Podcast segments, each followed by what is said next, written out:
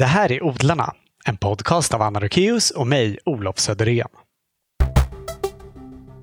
Innan vi börjar vill vi tacka ett par av våra sponsorer. Det är dels Grönytekonsult AB som saluför kvalitetsredskap för beskärning som japanska grensågar från Silky och Golden Star sekatörer. Riktiga proffsverktyg som både ger bästa möjliga resultat och har potential att hålla länge.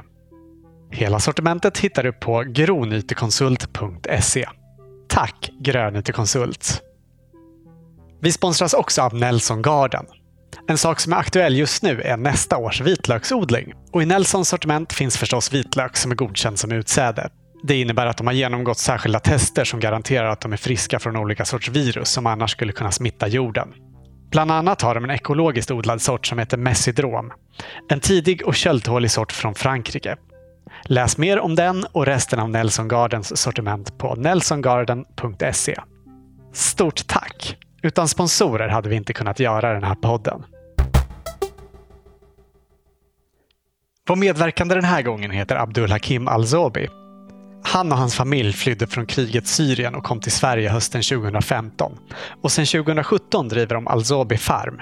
En småskalig ekologisk grönsaksodling som ligger i Olofstorp i nordöstra Göteborg, där de odlar fram en imponerande mängd och mångfald av grönsaker för försäljning. Hur vägen dit sett ut och hur verksamheten bedrivs berättar han i den här intervjun som vi spelade in på plats på Alzobi Farm den 28 augusti. Varsågoda!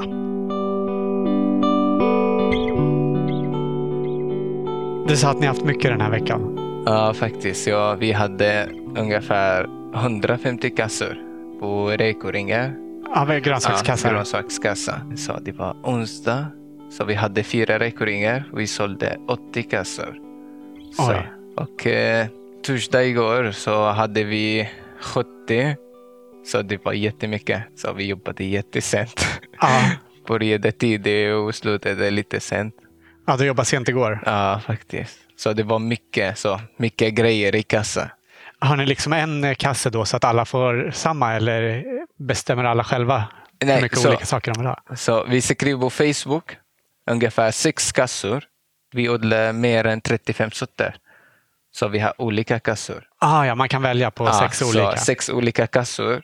Vi lägger dem som passar eh, bra med att eh, så laga allting som i kassa. Ja, att det passar ihop, liksom. Passar ihop, exakt. Mm. Så vi säger så persilja, koriander och minizucchini, minigurka. Men andra kassar finns andra grejer. Och sen det kommer priser om man vill inte de som ligger i kassa eller vill ha mer mängd. Ah, ja, så kan Så man det välja finns- fritt ja, av allting Ja, också. det är varje grönsak har en pris.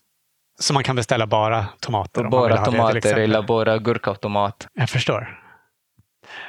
Eh, Vill du eh, börja med att ge lyssnarna en bild av hur det ser ut här på platsen?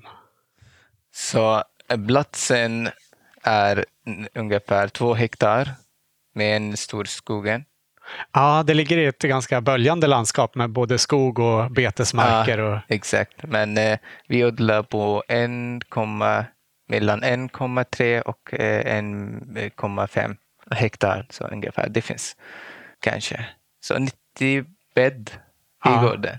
som är vad kan, det- 30 meter eller? Eh, 50 meter varje bädd. 50 meter långa. Ja, 50 meter långa och eh, mellan 80, det finns några som är 80 centimeter breda och eh, några som är en meter breda. Ja. Så det beror på vilken eh, gröda odlar vi i bädd.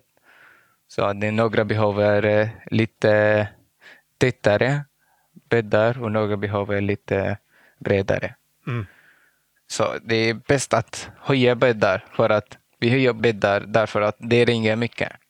Mm. Så när det ringer mycket på eh, grönsaker som vi odlar, så om det är bara på marken, inte bäddar, plantan blir gul för att det dricker mycket vatten. Så när det bäddar, så vatten när det ringer, så det går ner. ja, det rinner undan Ja, så det inte blir för blött. exakt. Och sen vi har tre stora växthus här. Mm. Så varje- Stora tunnelväxthus. Ja, tunnelväxthus. Hur stora är de? 400 kvadrat varje ett hus. Ja, Så det är plastväxthus, inte glasväxthus. nej. Så det, det är bara så man kan odla bara s- sommarsäsong. Precis, det är Ja. inga, inga uppvärmda växthus. Nej. Eh, det är inte bara du som odlar här, utan också dina föräldrar och syskon. Ja, så vi, vi är en företagfamilj, så alla familj jobbar. Så Ja, vi, hela familjen. Ja, vi består av fem, fem, vi är fem personer, pappa och mamma och eh, tre bröder med mig. Ja. Så vi jobbar i sommar och vi pluggar i vinter. Ja. Så vi försöker så kämpa på, jobba heltid, kanske extra tid. Så hela dagen, klockan sju, sex eller klockan tio. Ja. Så i mitt sommar vi jobbade till elva. Så från klockan sex till elva varje dag. Det är även på Helena. ja, det är tufft. Ja, Långa arbetsdagar. Ja, långa, jättelånga. Vi sover kanske fem timmar, sen gå in och fixa fakturor och skicka listor till eh, kunderna. Och ibland så några kunder de, eh, de är lite lediga ikväll, så de börjar beställa. Så klockan tolv i mitt i sommar. Och eh, så går, vaknar nästa dag klockan sex och börjar förbereda beställningar och sånt. Ja. Ja, det är lite tufft i mitt i sommar. Så. Hinner du göra något annat än att jobba? Nej, ingenting. Jag även inte tittar på mobilen eller något bok eller någonting. Nej. Så det är jobb hela tiden. Mm. Så vi gör så det, för att det är bara sommar som vi jobbar. Så vi måste jobba lite mer. Mm. Så. Jobbar dina föräldrar också mest under sommaren eller de, jobbar de mer under Så resten just- av året också? Så just nu, de jobbar bara sommarsäsong för att eh, vi odlar bara sommar. Men eh, de eh, också pluggar i vinter. Så de går, de, de pluggar svenska just nu. Men eh, vi tänker faktiskt till framtiden att de ska jobba så hela året. Ja, Hoppas att de eh, lyckas med det. det kommer de säkert göra. Eh, Hur kom det sig att ni startade den här odlingen?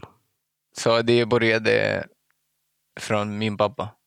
Så Ja, när han kom, eh, vi bodde först i Sundsvall när vi kom till Sverige och pappa var i Göteborg. Så vi var lite, inte nära varandra. nej. Så sen när han hittade lägenhet i Göteborg så alla familj kom hit. Så började vi alla började SFI-skolor.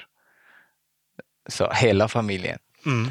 Så det var en kompis till pappa i skolan. Så pappa hela tiden pratade om odling och sånt. För, för att han ärvde odling av hans far. Ja, ni hade en odling i Syrien. Ja, så han tycker om odling och sånt. Så hans kompis, så han, eh, som, han, som pappa berättade till honom att vill han odla och sånt. Så han, eh, han ger honom eh, ledtråd för att hitta de som eh, kan pappa hyra mark av. Och sen vi gick till fastighetskontoret i Angered Mm. Just det, och frågade dem fastighetskontoret hyr ut mark för odling. för odling.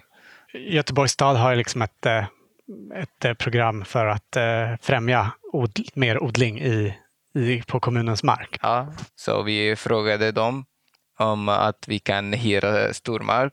Så de sa nej. Först vi måste göra en program som heter testbädd till hektar. Man testar först, man går in i det programmet och Mm. får 500 kvadratmeter och testa på. Och de måste se att han är bra i odlingen, han kan. Och sen det får man eh, så stor gård att odla på. Ja, de har en, en plats där man kan få testa att odla på lite mindre yta innan man får hyra någonting större. Ja, absolut. Så det kan man inte komma direkt och hyra 13 hektar, så det går inte. Nej. Vi ska ju såklart eh, prata mer om odlingarna här, men först så tänkte vi att vi ska backa lite. Vill du berätta om de eh, odlingar ni hade i Syrien?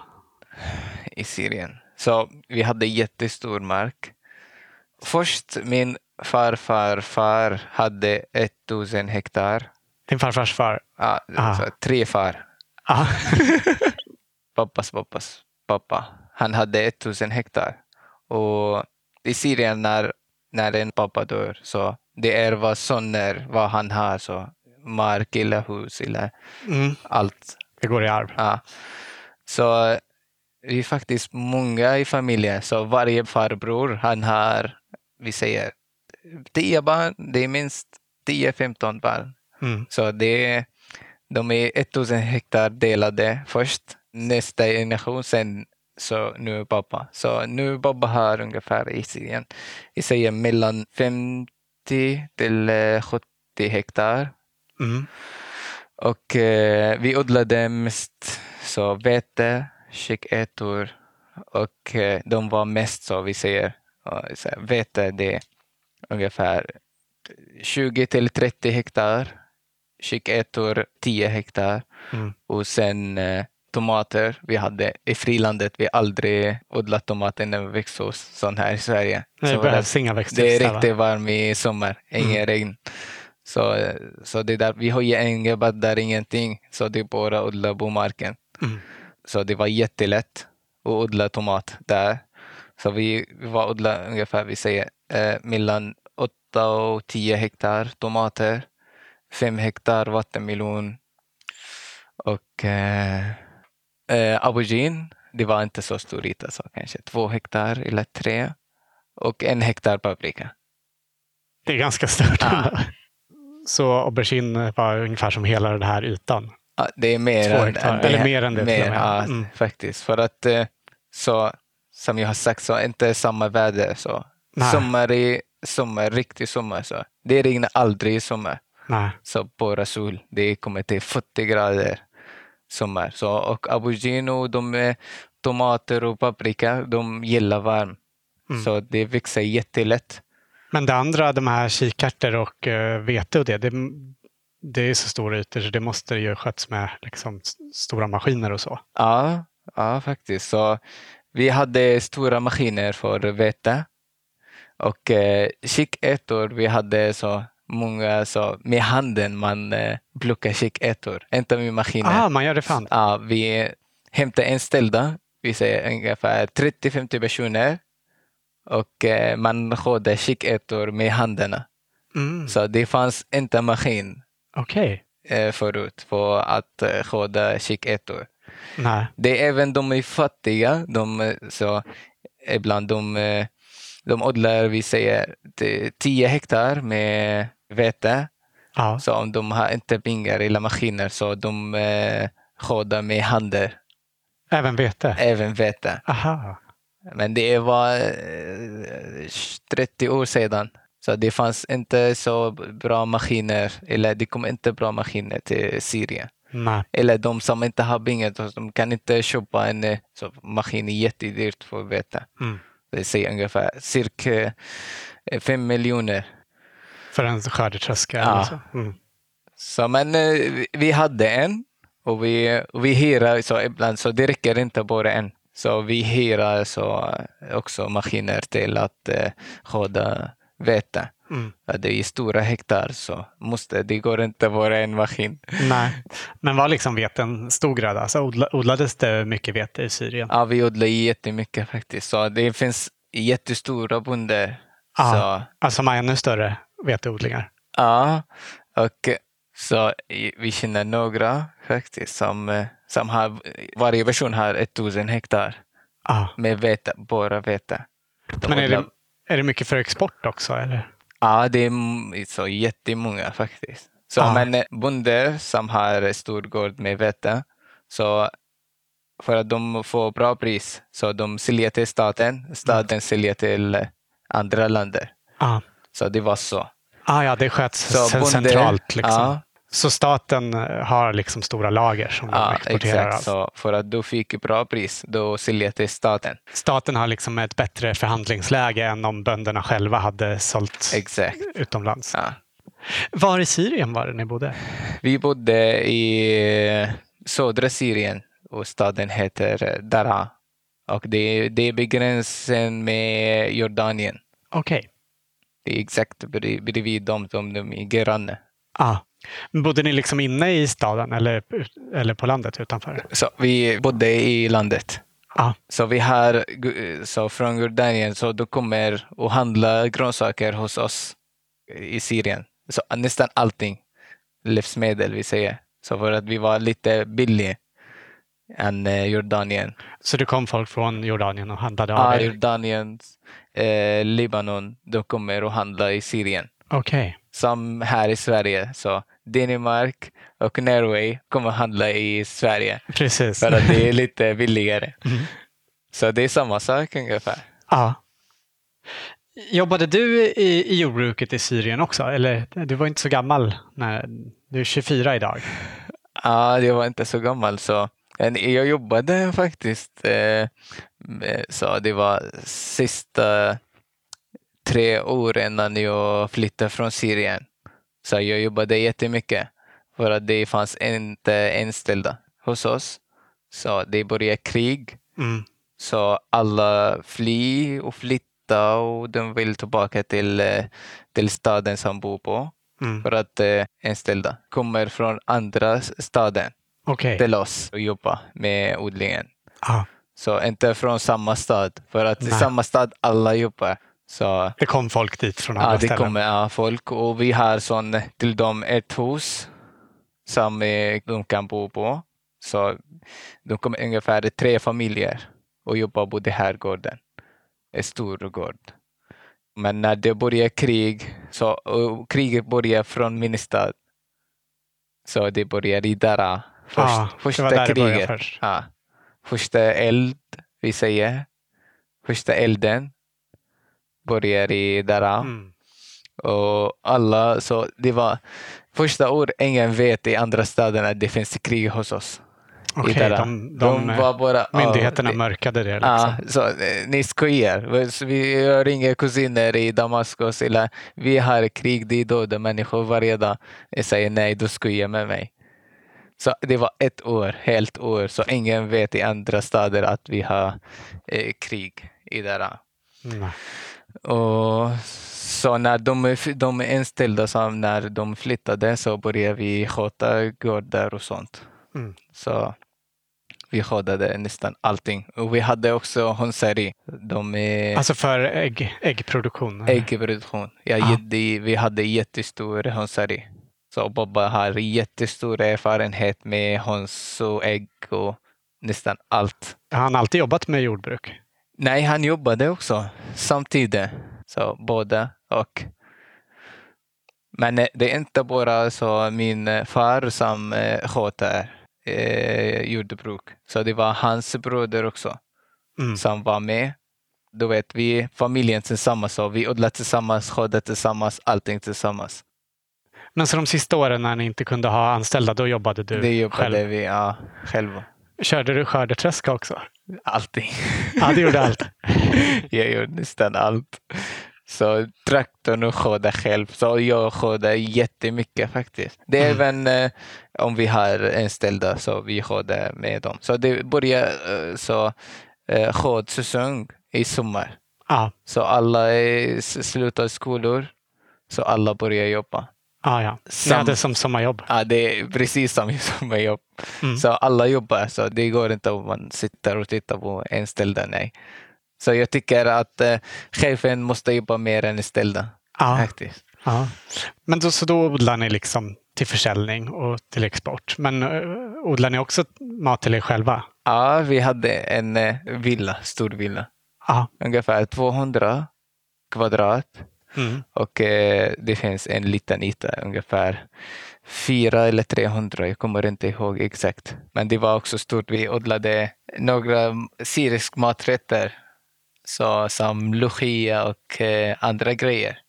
Estomologia har vi hört talas om förut. Det är en, en bladgrönsak som, Ja, det, som inte finns här. nej, Den har inget svenskt namn ens. Det är, inte, det är en egyptisk, egyptian namn. Ja. Och eh, det betyder, lucia det betyder eh, kung. Så det var för eh, ett tusental Ah, för tusen år Som- sedan. ja. Mm. Så det var bara Egypten kungar, kungen som eh, äter den här maträtt. Mm. Det var bara kungen som Ja, fick äta bara det? kungen som fick äta. Okej. Så men sen det, det blir i hela Mellanöstern ungefär. Ja. Hur smakar det? Jättegott. Jag vet inte hur det ska fortsätta eh, Lik, liknar det någonting annat? Nej, jag tror inte. Nej. Nej, inget som liknar den. Det vore kul att prova någon gång. Ja. Och vi glömde också, vi hade jättestort eh, oliver. Aha.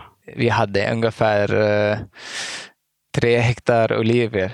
Ja. Oliverträd. Det är oljeproduktion. Mm. Men eh, oljan är, du vet, vi är stora familjer. Så hälften vi sparar till oss Ja. och hälften vi säljer. Ah, ja. Så vi, vi älskar olivolja. Ja, Så, det är gott. Ja, så jättegott och Mm. jättenyttig. Så då har det 100 procent ekologisk olivolja och Ja. närproducerad. Så varje år vi sparar olivolja till nästa år. Så att alltid ska finnas resten. egen. Mm. Var det samma med kikärtor och vete, att ni sparade till er själva också? Ja, ja faktiskt. Och de är olivolja, så vi har inte ens ställda till dem. Så bara familjen går och, och Ja, skördar ni oliver tillsammans. Mm. och snacka och, och skratta tillsammans.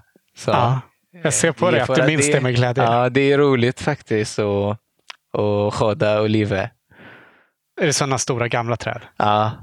Det är så vackert också. Ja, jättevackert. Det är jättestora, mycket skugga under. Ja. Så vi brukar äta frukost varje dag under dem.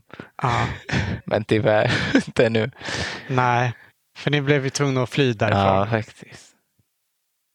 Och eh, först så kom ni, som en väldigt stor del av eh, alla som flytt från Syrien, så kom ni till Libanon. Ja, det kommer alla så ungefär. Alla Syrien gick till Libanon när Ja. det började krig. När var det ni flydde dit? 2011. Ja. Men så här händer att vi flyttade till Libanon och lämnade allting i Syrien. Och vi trodde att det ska, kriget ska sluta med- så max tre månader. Sen Ja. vi stannade tre år i Libanon. Vi trodde inte att det ska ta så lång tid Nej. som det är nu. Du berättade för oss här innan att du åkte tillbaka till Syrien sen för att fortsätta Mm. plugga. Ja, när vi flyttade från Syrien i kriget så jag var i gymnasienivå. Jag hade en så bara det provning för att ta betyget. Alltså du hade bara ett eh, betyg för att få ut en examen. Liksom. Ja, det är bara sista betyg för att eh, eh, så söka till universitet. Så det var gymnasiet betyg.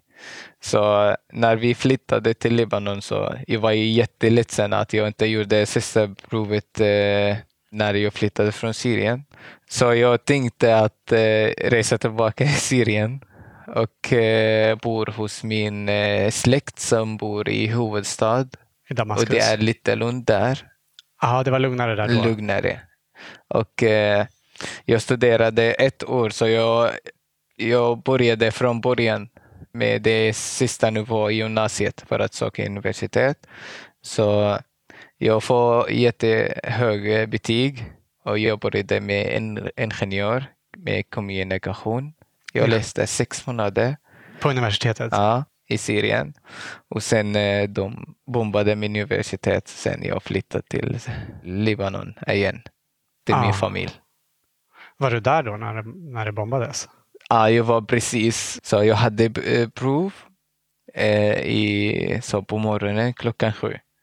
Så jag var lite sent till provet. Och så innan jag, jag går in, tio minuter innan jag går in i entré, i universitet entré, Ja. så de, eh, de tjatade den, eh, vad heter den? Jag vet inte om vapen och sånt. Rakt, Raket. raket. Mm. Så de eh, skördade en ra raket Ja. precis på entré och det är då där ungefär 15 till 20 människor. Och det Hemskt. skadat mycket. Ja. Så om Och, du hade eh, kommit i tid så hade du kanske varit Ja, där. det, det var precis så. Du vet, i universitet när du kommer in så de måste ta ID-kort från dig och säga att du läser här i universitetet. Så du vet, ibland det finns en lång kö framför universitetet. Så det var bra också att det var inte jättestor kö där. Om det var det stor kö så det dödade mer än 20 me- eh, personer Ja, om det hade varit fler som Ja. stod i, i kö utanför. faktiskt. Och sen, så den är första som kommer i entré. Sen när jag går in så alla människor, alltså, du ser blad överallt. Så det kommer en till raket. eh, Så exakt i mitten i universitetet är våningen tre. Mm. Men det skadade ingen. Så det Nej. var ingen i, i det rummet. Så de, de skulle börja eh, så provet om 15-20 minuter. Mm. Så, men det, så det var bra att det, det var inga prov. Annars det Nej. då jättemånga personer. Ja. Så nästa dag jag, så jag reste till Libanon till Ah, min ja. familj. Mm. Så det var jättehemskt faktiskt. Ja. Så det dödade två av eh, mina kompisar där. Så det var jätte... Ja, Det måste vara fruktansvärda minnen. ja det är jättehemskt minne faktiskt. Ja, så jag vill inte komma ihåg den Nej. för att man blir ledsen och gråta ibland. Så. Ja. Men det, det är jätte... Det är jättehemskt om man förlorar så kompisar, vänner. Faktiskt. Ja. Vad hemskt. Vet ni vad som har hänt med er gård i Syrien sedan ni flydde? så marken är kvar, men eh, det är inga odlarbodar.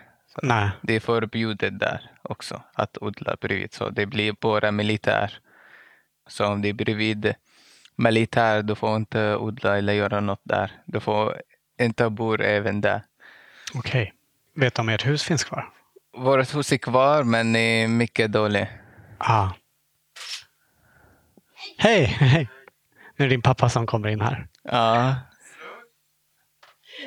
Nej, vi fortsätter. okej. Jag vet att eh, situationen i Libanon var väldigt svår och ni tog er ju så småningom vidare därifrån. Så först pappa så reste till Europa Mm. när det blir mycket så dålig behandling från Libanon på Syrien, människor. Så pappa tänkte vi måste resa annan stad så det går inte så stanna här. Eller, så han hade några släktingar som reste till Tyskland och eh, Sverige. Så han reste först till Tyskland, så sen han eh, reste till eh, Sverige. Så vi bestämde att, att resa till Sverige Mm. sen efterhand för att han var först där. Sen kommer vi efter honom. Orkar du berätta någonting om vägen hit? Så det var jättesvårt faktiskt. Och det är jättelång historia tills vi kommer hit. Ja. Det tog ungefär en månad att Oj, komma ja. hit till Sverige. Så du vet, första eh, step var Turkiet. Så vi stannade i Turkiet ungefär 20 dagar. Mm. Du går från Turkiet till Grekland. Så den är svåraste del i resan. För att det är havet mellan, ah, det är en stad i Turkiet, är jättenära från Grekland. Det tar 20 minuter så eh, med båten. Ja. Så det är jättenära men det finns massa militär och, och kommandos och sånt. Och tjuvar och ja, det är jättemånga som inte lyckas ta sig över. så det är jättemånga som inte lyckats och många som har dött där Ja, i havet. Så det är jättehemskt. ja verkligen. Så första försök, vi var 50 personer i båten. De brytade. Ja, den, den gick sönder, båten. Ja, och alla eh, så började drinka under vattnet. Så alla stressade och skrika och, Mm. och sen det kommer eh, eh, eh, Turkiet. Så de är som är ansvariga för havet. Så vad heter det? Jag vet inte vad heter det. Typ kustbevakning? Eller? Kanske kustbevakning. Ja, turkiska kustbevakningen. Ja. Och eh, vi skulle då precis, eh, ingen kan simma. Nej. Så de kommer precis innan alla eh, dör, tio minuter bara. Så hade de kommit lite senare så hade ni drunknat. Ah, vi är jättenära, så det är även jag har min eh, lilla broder med mig. Då, eh, min syster var fyra år gammal, min bror var åtta år gammal. Ja. Och, och min mamma och syster. Och eh, ingen kan simma. Nej. Vi kan ju säga för tydlighetens skull att ni är alltså fler i familjen än ni tre bröder och eh, föräldrar som driver odlingen. Så vi är nio syskon. Så fem bröder och fyra systrar. Pappa mamma elva. Så men en stor familj. Ja. Så jag har två systrar som är inte här, som gifte sig utomlands, så inte i Sverige. Ah, Okej. Så vi är sju syskon just nu här i Sverige som bor i samma lägenhet. Jaha, alla bor tillsammans? Alla bor tillsammans just nu. Utan den största, han bor själv. Ah. Han är sex, vi säger, sex personer, pappa och mamma bor i samma lägenhet. och eh, en bror som bor eh, ensam. Ja. Men ni åkte inte alla tillsammans då när ni skulle ta er till Europa? Nej, bara jag och mamma, Josef och Safa och Hadi. Så Mm. det finns tre bröder som eh, reste ensam, pappa reste ensam. Så du och resten av familjen kom tillsammans? Ja, jag, ja, jag och resten. Och det var jätte... Det är inte en bra resa faktiskt. Nej, jag förstår det. Men eh, som tur var så blev ni räddade ur vattnet då? Ja, de räddade alla i vattnet. Mm. De eh, tog oss och vi tillbaka till Turkiet. Ja.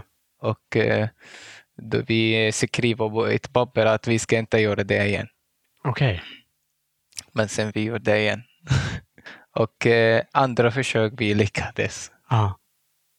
Men så då kom ni till Grekland. Blev ni kvar där i, i flyktingläger länge? Nej, vi- Kunde ni resa vi- vidare? Ja, vi, vi skulle resa vidare men vi stannade där två dagar. Så vi fortsatte med buss till Makedonien.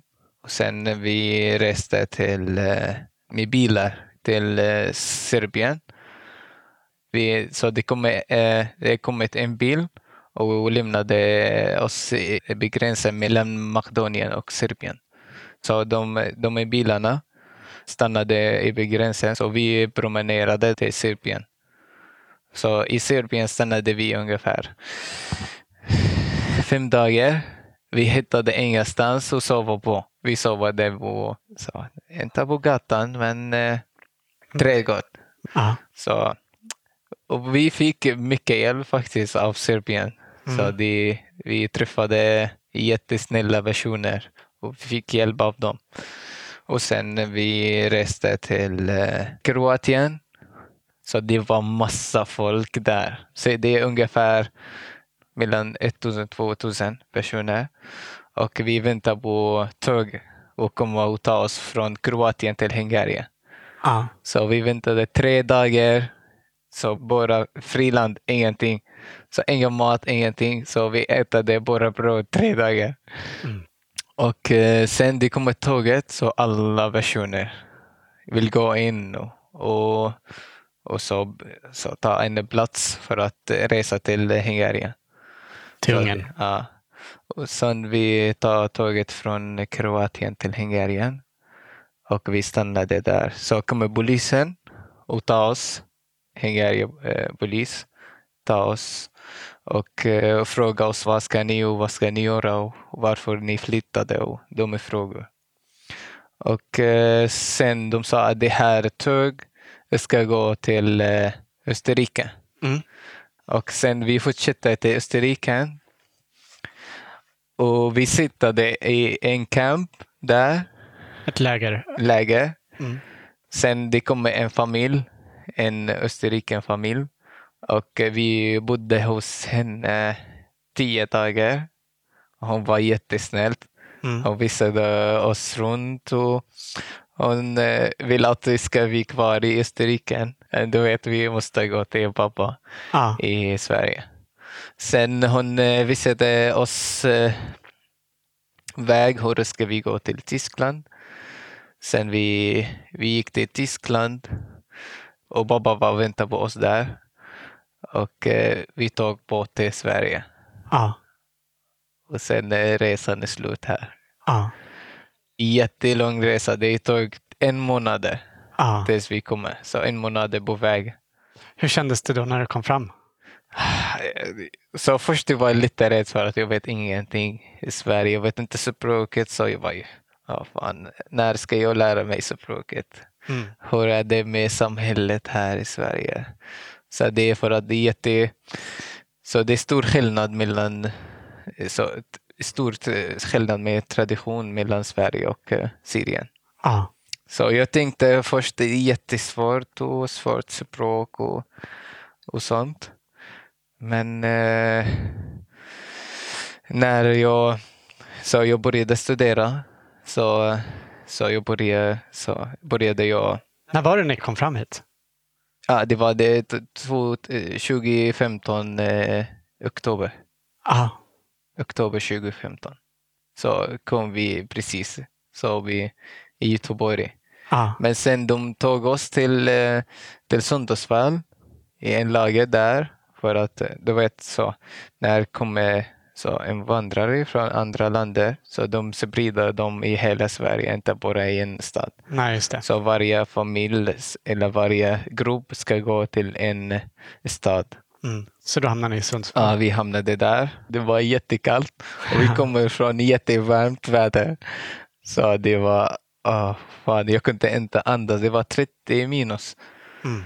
Sen eh, tills Babba hittade hus. Så vi, vi var väntar till Babba eh, hittade hus i Göteborg. Det var lite svårt att ta hus. Var, Ja, han hittade en lägenhet ja, här. han hittade en lägenhet där. Men, och sen vi eh, gick till honom och bo tillsammans. Mm. Ja, för ni bor inte här vid odlingen? Nej, vi bor inte i odlingen. Så vi bor eh, i Bergsjön. Ja. Vi kom hit varje dag. ja. Men det finns ett litet hus här också, Så som vi sitter i nu. Ja, den i huset är lager. Eller man vill ju. Eh, så Man kan gå in och ta en liten paus här. Eller? ja, en liten paus. Eller det kan vara en eh, för folkkultivering i vinter. Mm. Så den i huset blir bara för plantor. Så det är massa plantor här. Ja. Ni, Ja. dri- ni driver upp plantor här innan Ja, ni driver, ut sen. ja. Men vet du om det har bott någon i det här huset innan? Innan ni började arrendera Så jag- marken? Ja, Jag hörde att det fanns en eh, gammal kvinna som bodde här. För, men det var för 40-50 år sedan. Ah, ja, det har stått tomt länge. Ja, är jättelänge faktiskt. Mm. Det är massa mossor och Möss. Möss. ah, Ja, de promenerar hela tiden bredvid dig. Okej. Vi har inte sett några här hittills. Men, Det kommer sen. ah, De eh, kommer och, och eh, promenerar ikväll mest. Så Ah. på dagen eh, kommer inget för att de känner att det finns någon som är här. ah, Men ikvällen så du ser massa mossor. Ja. Ursäkta avbrottet, men odlarna har ytterligare ett par sponsorer som jag vill tacka. Det är dels Fristads folkhögskola, där de har en grundläggande trädgårdsutbildning med inriktning mot ekologisk odling och skötsel av utemiljöer. Skolans parkområde och köksträdgård i Fristad, en dryg mil norr om Borås, är klassrum för utbildningen. Och kursplanen innehåller förutom grundkunskap i odling bland annat också växtkunskap, grönyteskötsel och beskärning. Utbildningen är kostnadsfri och berättigar till studiemedel från CSN. Och ansökningstiden för 2021 är öppen från den 28 september fram till och med den 25 oktober. All info du behöver om utbildningen och om hur du ansöker finns på fristads.fhsk.se. Tack Fristads folkhögskola! Det här avsnittet sponsras också av Jordnära tunnelväxthus, som förutom just tunnelväxthus också säljer en massa andra odlingstillbehör produkter som de berättar mer om på sitt Instagram-konto.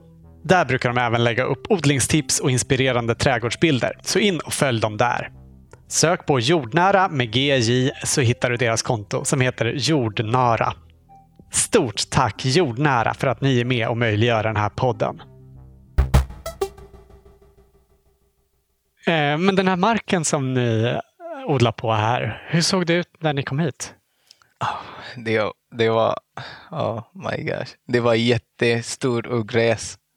Det, var, det var fullt med ogräs. Det var ingen som Inte hade odlat vanlig innan. ogräs faktiskt. Jag har aldrig sett ogräs så här. Så det är inte odlat för 50 år sedan. Så var, ogräs var jättehögt. Det är ungefär så tre meter. Och jättetjocka ben. Tre meter högt ogräs. Tre meter högt ogräs. Ah, var det typ som små träd nästan? Ja, små träd ungefär. Ja, som sly. Ja, jättestora ogräs. Så Ja. när jag går, en, jag är två meter lång ungefär, en, eh, en 80, en meter 80. Men när jag kom en så eh, en meter lång med mig. Ah, så, det- men det eh, hade verkligen vuxit igen. ja, när jag tittade och sa fan hur ska vi fixa gården? Det ska ta lång tid att förbereda gården och odla på. Ja, För att det största problem med, i odlingen är ju gräs. Mm. Den är största faktiskt. Så. Fick ni liksom välja på flera olika, olika platser då? Eller var det den här som ni blev erbjudna? Nej, det var faktiskt tre olika platser. Och eh, vi får välja vilken plats vill vi jobba i. Och det var den närmaste plats nära Bergsjön som vi bor. För att de har sagt till oss från början att det, det finns inget boende i gården. Men eh, den var närmaste och det är där vi har valt den. Ja. Men har ni liksom gjort i ordning all marken för hand? Uh, först det kom, så kom, vi fick uh, hjälp av kommunen. De ja. hämtade stortraktorn och uh, plöjde gården. För okay. det går inte med de vanliga traktorn. Nej. Och det plöjde gården och sen började vi. Så första år vi grävat gården med handen. Vad heter den? Spade? Eller grep? Ja, med grep. Handgrep hela, nästan en hektar, så hela gården faktiskt. vi Oj, hade vilket... inga maskiner, ingen traktor. Inga nu har ni en traktor? Ja, nu, nu ja. Nu ja. Men, Men ni gör det mesta för hand fortfarande? Va? Ja, mest med så höjabäddar vi höjer i med, med greven, så med handen. Ja. Och eh, vi så med handen. Och det är bästa faktiskt. Vi har provat maskiner så med så maskin. Det var inte bra faktiskt. Okay. Så det var bäst också med handen. Aha. Men traktorn har ni med till att flytta gödsel och sånt eller? Så traktorn att blöja för breda gården så innan säsongen. Mm. Så vi blöjar gården varje år. Ah, okay. Med traktorn. Eller så hämta uh, gödsel och sånt bara. Men inte allt med traktorn. Nej. Vet du vad, liksom, förresten, vad kommunen hade haft den här marken till? För du sa att den inte, det har inte odlats här på länge. Har det bara stått? Det har bara stått så. Oanvänt? Ja, vi hörde av eh, granne här att eh, nästan det kommun äger hälften av, eh, av marken här ja. i Olofstorp. Så, så det är bara för investering. För att eventuellt bygga på i framtiden och så? Ja. Och vi, vi fick det. Vi fick faktiskt eh, bra hjälp av eh, Göteborg kommun. Ja. Att hyra. De hjälpte oss med att eh, ställa träväxthus. Ja. ja, det var bra hjälp faktiskt av dem. Bra. Ja. Och sen har ni verkligen byggt vidare och gjort det ja, till vi, en fantastisk plats. Så det var lite jobbigt för, i början, men nu är det bättre. Ja. Hur var det då att börja odla här? För eh, du var inne på innan att det är ganska annorlunda mot att odla i Syrien. Så det var lite svårt faktiskt i början. Så ja. det är en annan väder som, det är jätteskillnad med klimatet. Så I Syrien vi har fyr, riktigt fyra säsonger. Höst i höst, vår i vår, sommar i sommar, vinter i vinter. Så det regnar aldrig i sommar. Men här det regnar i sommar mer än vinter faktiskt. Ja. Så vi fick jättemycket, många dagar regn i sommar. Så det är inte bra för odlingen. Nej. Så första året vi kunde inte odla allt. För att vi kunde inte alla grönsaker i början. Hur lärde ni er? Så vi sökte mycket på eh, Youtube, eh, Google. Vi läste böcker. Vi gick till eh, några bönder och ser vad de odlar, hur de odlar. Så vi fick lite hjälp av kunder vad som lyckas mest här i Sverige i det här vädret. Och sen, det var i början första år. Sen vi, vi gick på en utbildning, jag och min bror, och läste om odlingen och, ah. i ett år. Alltså en, en odlingsutbildning? Ja, det heter Mark Gardner. Ja, det är den här Market Gardener-utbildningen som finns på Angereds gård. Ja, Angereds gård. Mm. Ja. Det är mest pratar om hur man planerar, när man odlar, när man skördar. Så det är nästan allt. Mm. Men det var en liten utbildning, så är, är sju mån åtta månader ungefär. Ja. Så vi fick eh, bra eh, så, kunskap mm. av dem. Och vi hade också. Men det var bara svårt i så klimat. Så när man odlar när, man, när säsongen är slut. Men vi hade så mycket erfarenhet från Syrien så vi vet vad ska vi göra, hur vi odlar. Men det, det som var annorlunda bara klimat. Ja. Och några grönsaker som vi inte har i Syrien, som grönkål, svartkål. Ja. Jag har aldrig sett den faktiskt i mitt liv. Det är bara Nej. här. Mm. För att de gillar kallt. Ja. Så vi i Syrien, vi har inte så mycket kallt. Om det blir kallt, det blir noll. Ja. Men ni odlar inte det på vintern heller där? Nej, nej, inte i Syrien. Nej. Nej, vi har aldrig sett den. Du nämnde tidigare att ni odlar ungefär 30 olika grödor här. Ja. Eh, Vill du berätta mer om vad, vad odlar ni mest? Så vi har delat gården till fyra, de, fyra delar. En eh, kåldel, massa kål. Så grönkål, svartkål, lilla kål, blomkål, spetskål. Och eh, blomkål har vi den med tre roliga färger. Lilla Ah. kål och orange blomkål. Ja, de är jättevackra faktiskt. Ja, fint. Ja, det är en ganska stor del som är till kol av odlingen. Ja, det var faktiskt för att det är nästan hela tiden kallt. Som då, det, kallt påverkar inte dem. Nej. Kol kan man behålla till eh, oktober, december. Så det har lång säsong och kan man eh, så odla två gånger i, i år. Det kan man odla i våren, det kan man odla eh, i hösten. Ja. Så nästan alla kolfamilj. Är inte särskilt Alla sort. olika sorts kol. Liksom. Alla sorter. Så vitkål, blomkål, broccoli, näst allt. Alla tycker om det här i Sverige. Ja. Det är även vi. Vi gör, vi eh, mest tycker om eh, vit, eh, vitkål. Vi Ja. gör dolma med vitkål. Mm. Men man har vitkål i Syrien alltså? Ja. Men inte grönkål och svartkål? Nej, och inte grönkål. Förstår grönkål, svartkål, lilla kål har vi inte. Nej, men, Men, eh, vitkål. blomkål, spetskål, det har vi. Ja. Och sen odlar ni rätt mycket zucchini? Ja, vi odlar en eh, små zucchini, en jättepopulär sort i Mellanöstern. Ja, små ljusgröna. Ja, Ljusgröna. Vi, vi fick några av dig Ja. häromdagen och åt dem igår. De var jättegoda. De är jättegoda faktiskt. Och då är, de, jag tycker det är mer godare än de är stora vanliga. Det smakar sötare. Och eh, sorten heter Habibi, Habibi, älskling. älskling.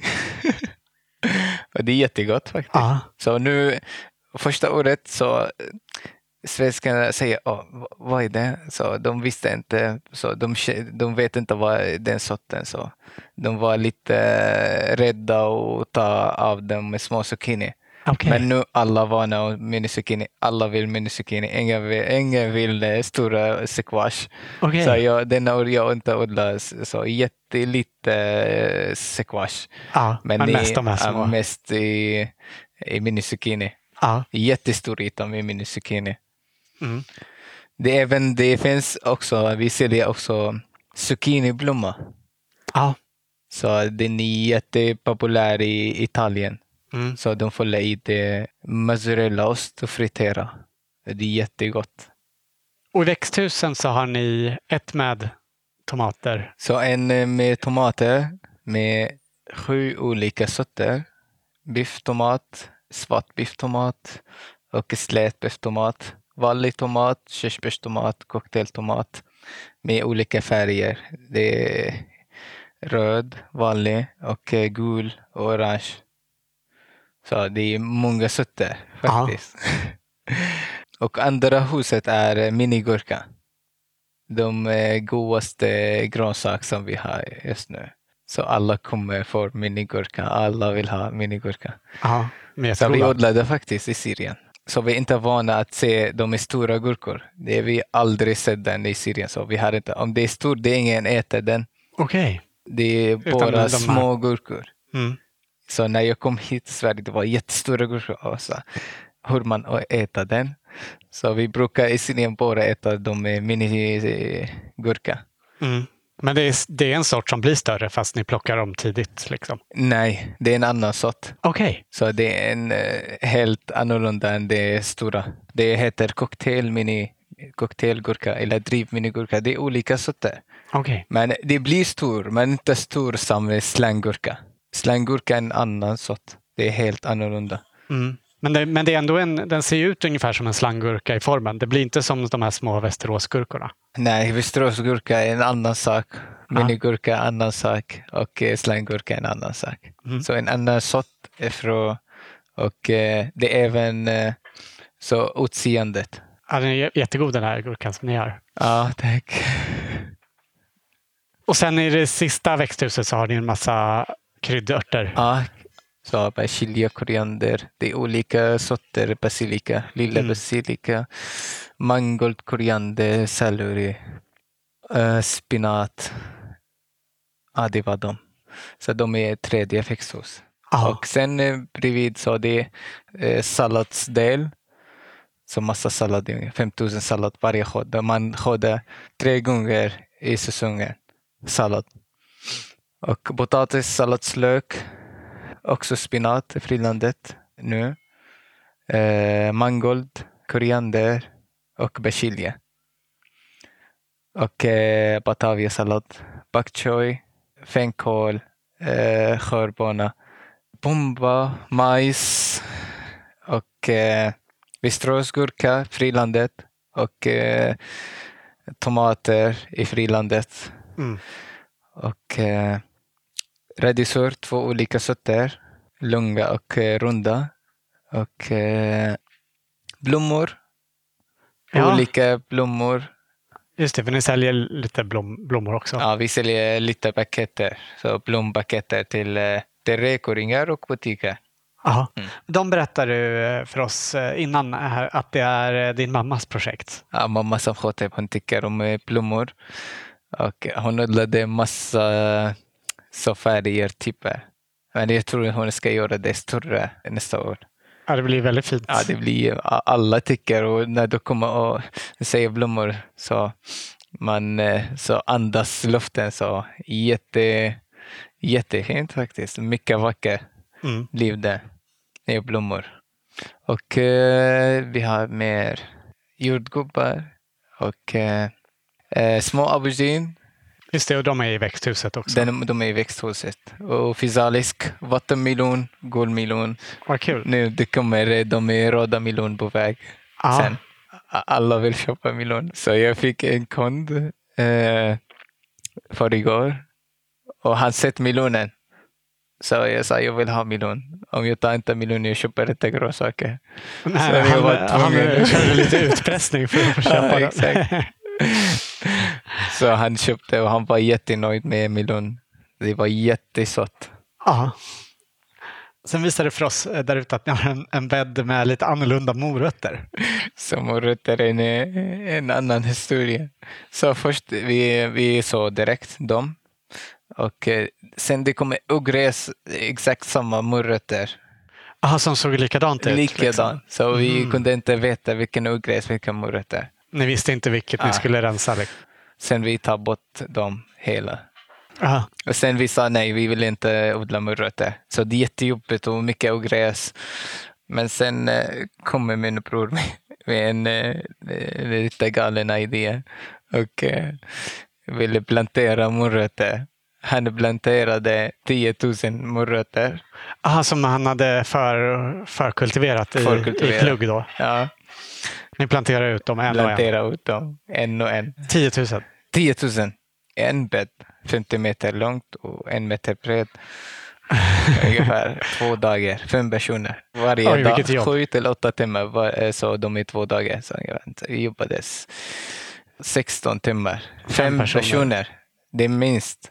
Så det är ibland det kommer en annan kompis och hjälpa till också. Så Mm. fem, sex personer.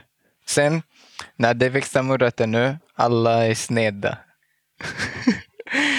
De ser jätteroligt ut. Ja, du drog upp några. De var korta och eh, krokiga. Ja, och, exakt. och grenade. Ja. Fan, vi ska inte sälja morötter. Men de ser jätteroligt så det finns massa kunder som vill ha dem. ja, det gör det Ja, ändå. de är, kul. de smakar jättesött men de bara snidda.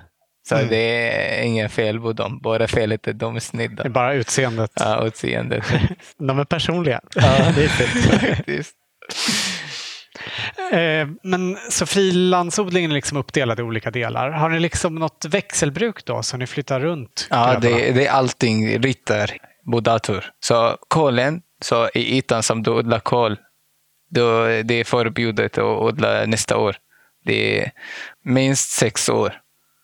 Men eh, i resten så tomater och, och gurka och sallad och sånt. Det är bara ett år, så de måste byta. Om det, den, vi säger tre, det tredje hus är tomater, de måste flytta till första hus. Och, få, och gurka måste flytta till andra hus. Det, det måste byta varje år. Det är bara så kol som... Så, om du odlar den här delen så denna år, så du får odla om eh, sex år i samma del som du odlat eh, Mm. tidigare. Så ni har liksom en treårig rotation Ja. fast kolen Fast är bara kolen. på Sex år. sex år? Ja, jag förstår. Eh, nu är ni som sagt flera som jobbar i odlingen. Har ni liksom olika roller? Eller gör alla allt? Det är, det är nästan varje person har en del att jobba med. Så till exempel min bror Majid, han är som kontaktar eh, fröföretag och beställer fröer. Jag som är ansvarig för fakturor, försäljning. Och eh, sen eh, Josef, ett tredje bror som sköter rekoringar på Facebook. Ah, ja. Men gården alla måste sköta. Mm. Så det är bara de delar. Då varje person har en del att jobba med. Har dina föräldrar några särskilda roller också? Eller? Så eh, mamma är boss här. Så hon kan mest och, och så fröer med händer. Hon har jättesofta händer. Ja. Och det kommer alltid grön under hans, eh, hon, eh, Hennes. eh, hand. Så det är alltid bättre Så hon sköter sådderna? Hon sköter sånt, men det alla gör. Men det är bäst som kommer under eh, hennes händer. Ja, ni gör alla Bästa, allt? Liksom, men- bästa men- grönsaker som kommer Ja, av Men hennes sådd. Och hon som sköter blommor.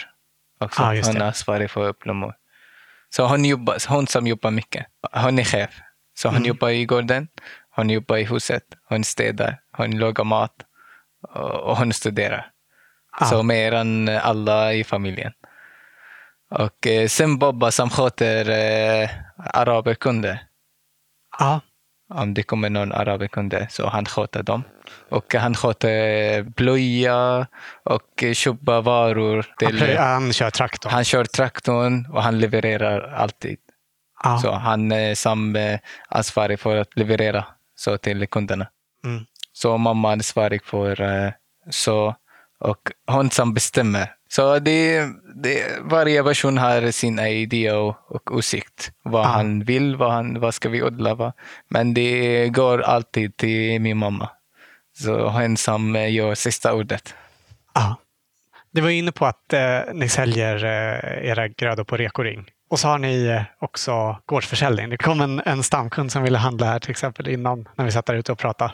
Så just nu det, det, det har vi eh, gårdbutik.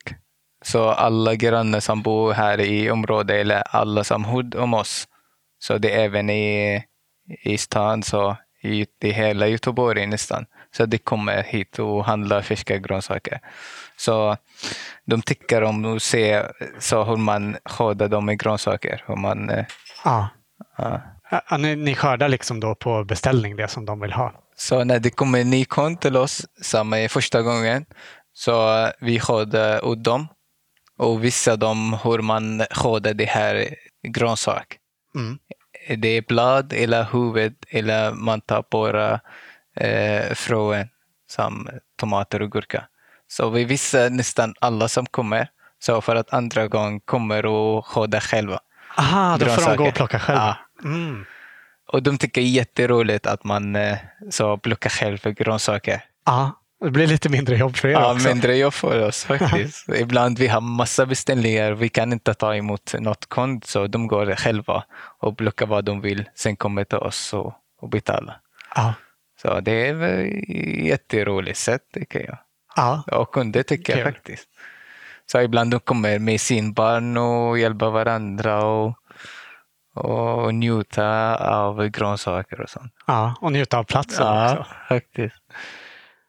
Sen har vi sett att, har, att era grönsaker finns i vissa butiker också. Ja, vi säljer inte bara i Rekoringe. Vi säljer även till eh, butiker, vi säljer till grossister och eh, till eh, ICA bredvid oss, som i, så i Lerum, Gunnelse. Mm. Men mest är på rekoringar och i grossister och och, eh, ekologisk butiker bara. Där de bara har ekologiska Ja, varor. bara som har ekologisk. Som Fram till exempel som finns här Ja, i Göteborg. Som är fram en stor Ja, ekobutik. stor ekobutik. I, fram eh, bara bra mat. Är, Ja, bara bra mat är en annan. Ja, en eko. annan eh, eh, ekologisk affär som säljer fina grönsaker. Mm.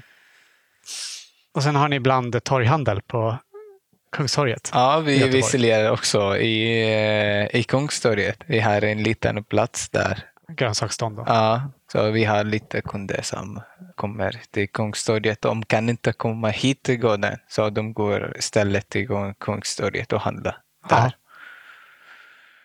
Eh, Får ni liksom alla, allt ni odlar sålt?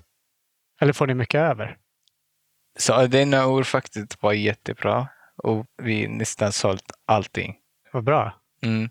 Men eh, första året det var lite dåligt med försäljning. Så Okej. inte många som känner igen oss och inte många som vet att vi är här och odlar gröns- ekologiska grönsaker. Nej, Men men, sen- det är fler och fler som Ja, fler och fler hittat. pratar så. Det blir lite kända och det finns massa människor nu som vet och så kommer och handla. Ja. Och massa grossister faktiskt som kommer. Kan ni liksom försörja er på odlandet? Så det- denna året eh, så det var bra och vi kunde faktiskt. Men eh, första år och andra år det var inte så bra. Nej, men det måste ju få ta lite tid att bygga Ja, upp något exakt. också.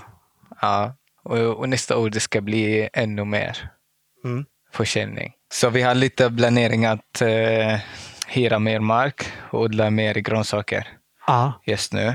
Men du pluggar ju som sagt också. Tänker du att du ska fortsätta jobba med odling eller vill du göra annat Ja, när du är färdig med absolut. utbildningen? Så absolut. Så odlingen så absolut ska fortsätta för att det är samma sommarjobb. Så det jag bara jobbar sommarsäsong. Vi Mm. odlar just nu. Om det blir vintersäsong, det blir för pappa och mamma att jobba med. Men inte jag. Men eh, säsong, sommar, vi ska odla mycket. Mm. Men eh, nu börjar du snart eh, plugga igen för hösten. Ja, faktiskt. Så eh, min skola börjar i oktober. Ja. Började jag med distanskurser. Vad ska du läsa då? Jag ska fortsätta svenska och engelska just nu för att fortsätta min universitet. Ja. Så jag har några kurser. Jag har tre kurser svenska kvar, tre kurser engelska kvar. Sen är jag färdig med de är, de är kurser för att acceptera mig i universitet. Och sen när du kan söka svenskt universitet, ska du fortsätta med eh, ingenjörsutbildningen som du börjar på i, i Så- Syrien då? Så jag har, eh, jag har många så, tankar, kanske. Tandläkare, eller vilken typ ingenjör. Eh, Design, el. Jag har inte bestämt vilken eh, ska gå med. Nej. Jag har lite hög betyg. Så jag, jag kan bestämma. Så det, det är nästan Svårt att allting. välja då? Ja, det, är svår, det är nästan allting som öppet. eh, Så. Det, Ah. Jag kan alla kurser. Så jag går alla ingenjörtyper som Ah. finns i universitet. Så det blir man lite förvirrad och eh, välja vilken kurs eller Ja, vilken. det är svårt. Ja, det är lite svårt. Men, Men, det är ska ett, lyxproblem ändå. Ja. Jag måste fokusera nu på svenska och engelska sen. Jag fokuserar på vad ska jag, jag bli.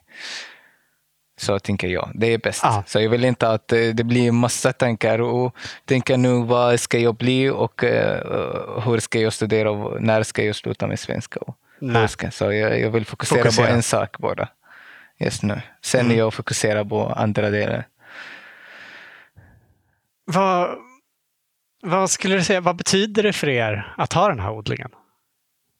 Det betyder mycket faktiskt. Vi är en familj som tycker att ha eget företag och jobba. Ja, ni tycker om det. Ja, för att eh, i Syrien hade vi företagare också.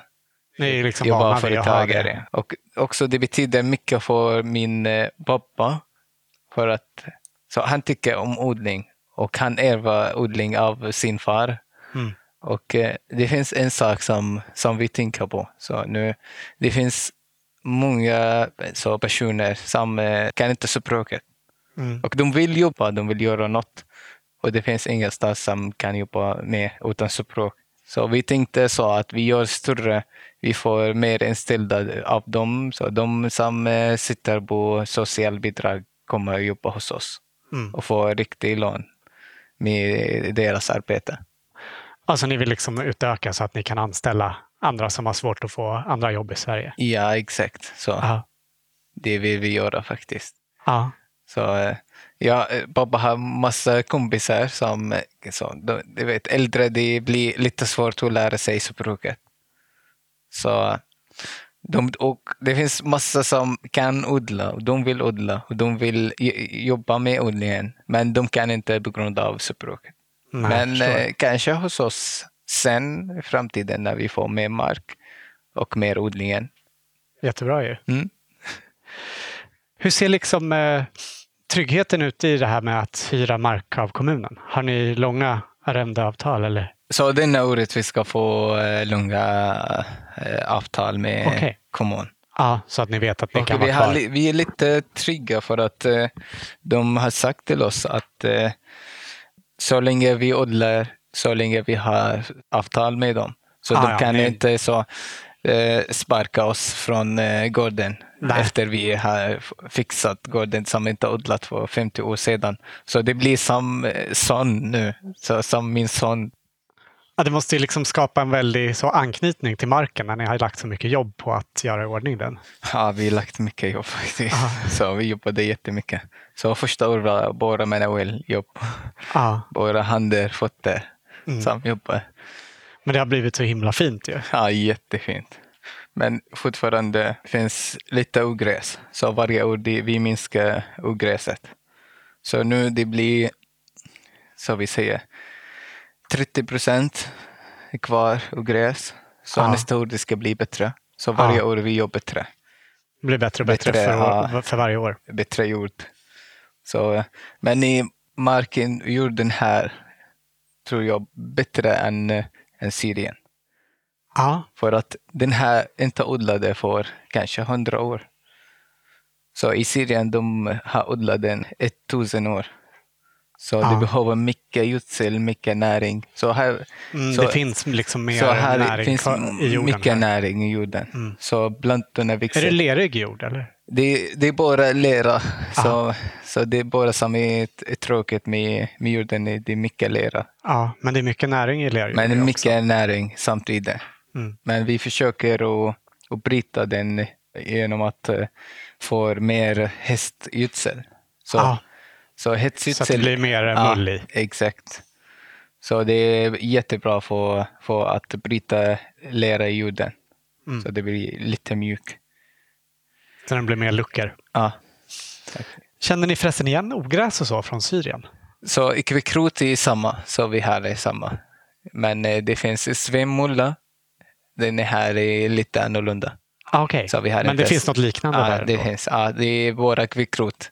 Så vi hade lite, det är s- sämsta ogräs som vi har haft. Kvikrot. Ja, det är Ja. Det har jättestora rötter. Ja, Och det dör, det dör inte i samma år. Men svimulla, det, det, är, lite lättare. Ja, lite lättare. Inte stor rött ner i jorden. nej precis. Samma kvickrot.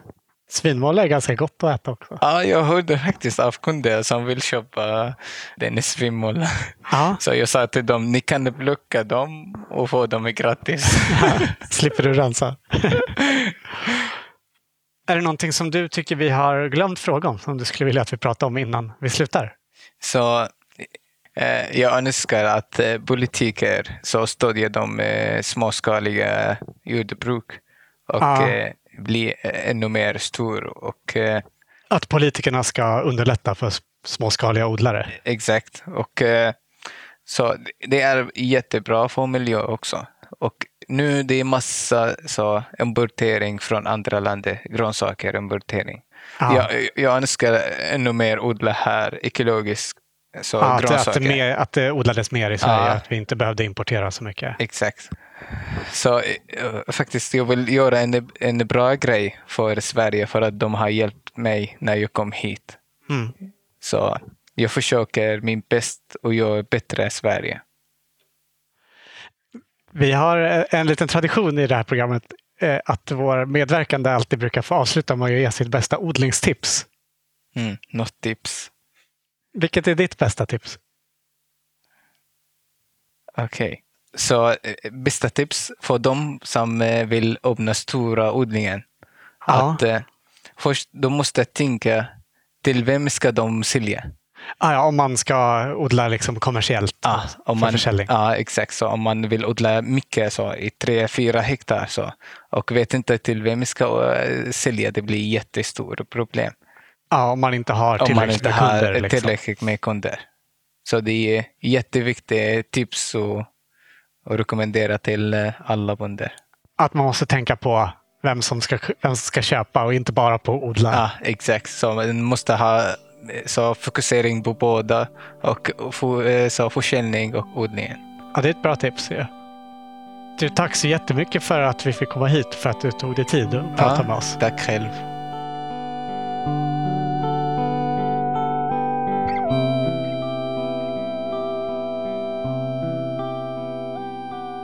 Du har hört Abdulhakim Al-Zobi i Odlarna. Vill du köpa finfina grönsaker i Göteborgsområdet så säljs skörden från Alzobi Farm alltså i olika ekobutiker runt om i stan, på rekoringarna i och kring Göteborg, i deras marknadsstånd på Kungstorget och på plats vid odlingen i Olofstorp. Information om öppettider och hur du hittar dit finns på alzobi.se och på deras Facebook-sida. Och apropå Göteborgs stads stadsbruksprojekt så har vi intervjuat ett par odlare tidigare som fått sin mark genom det. Olle Olsson som var med i avsnitt 77 och William Bailey i nummer 68. Och vi kan även passa på att tipsa om avsnitt 35 med Charlotte Goranius Nykander som började i Malmös motsvarighet. Stort tack för att du lyssnat och tack än en gång till våra sponsorer som möjliggör den här podden. Jordnära, Fristads folkhögskola, Nelson Garden och Grön IT Konsult. Producent för odlarna är Anna Rökeus. Jag heter Olof Söderén. Vill du följa oss och vårt odlande så finns vi på Instagram under namnet Spenatistan. Och Spenatistan är också titeln på den odlingsbok vi har skrivit. Nästa avsnitt av Odlarna kommer i mitten av oktober. Ha det fint till dess. Hej då!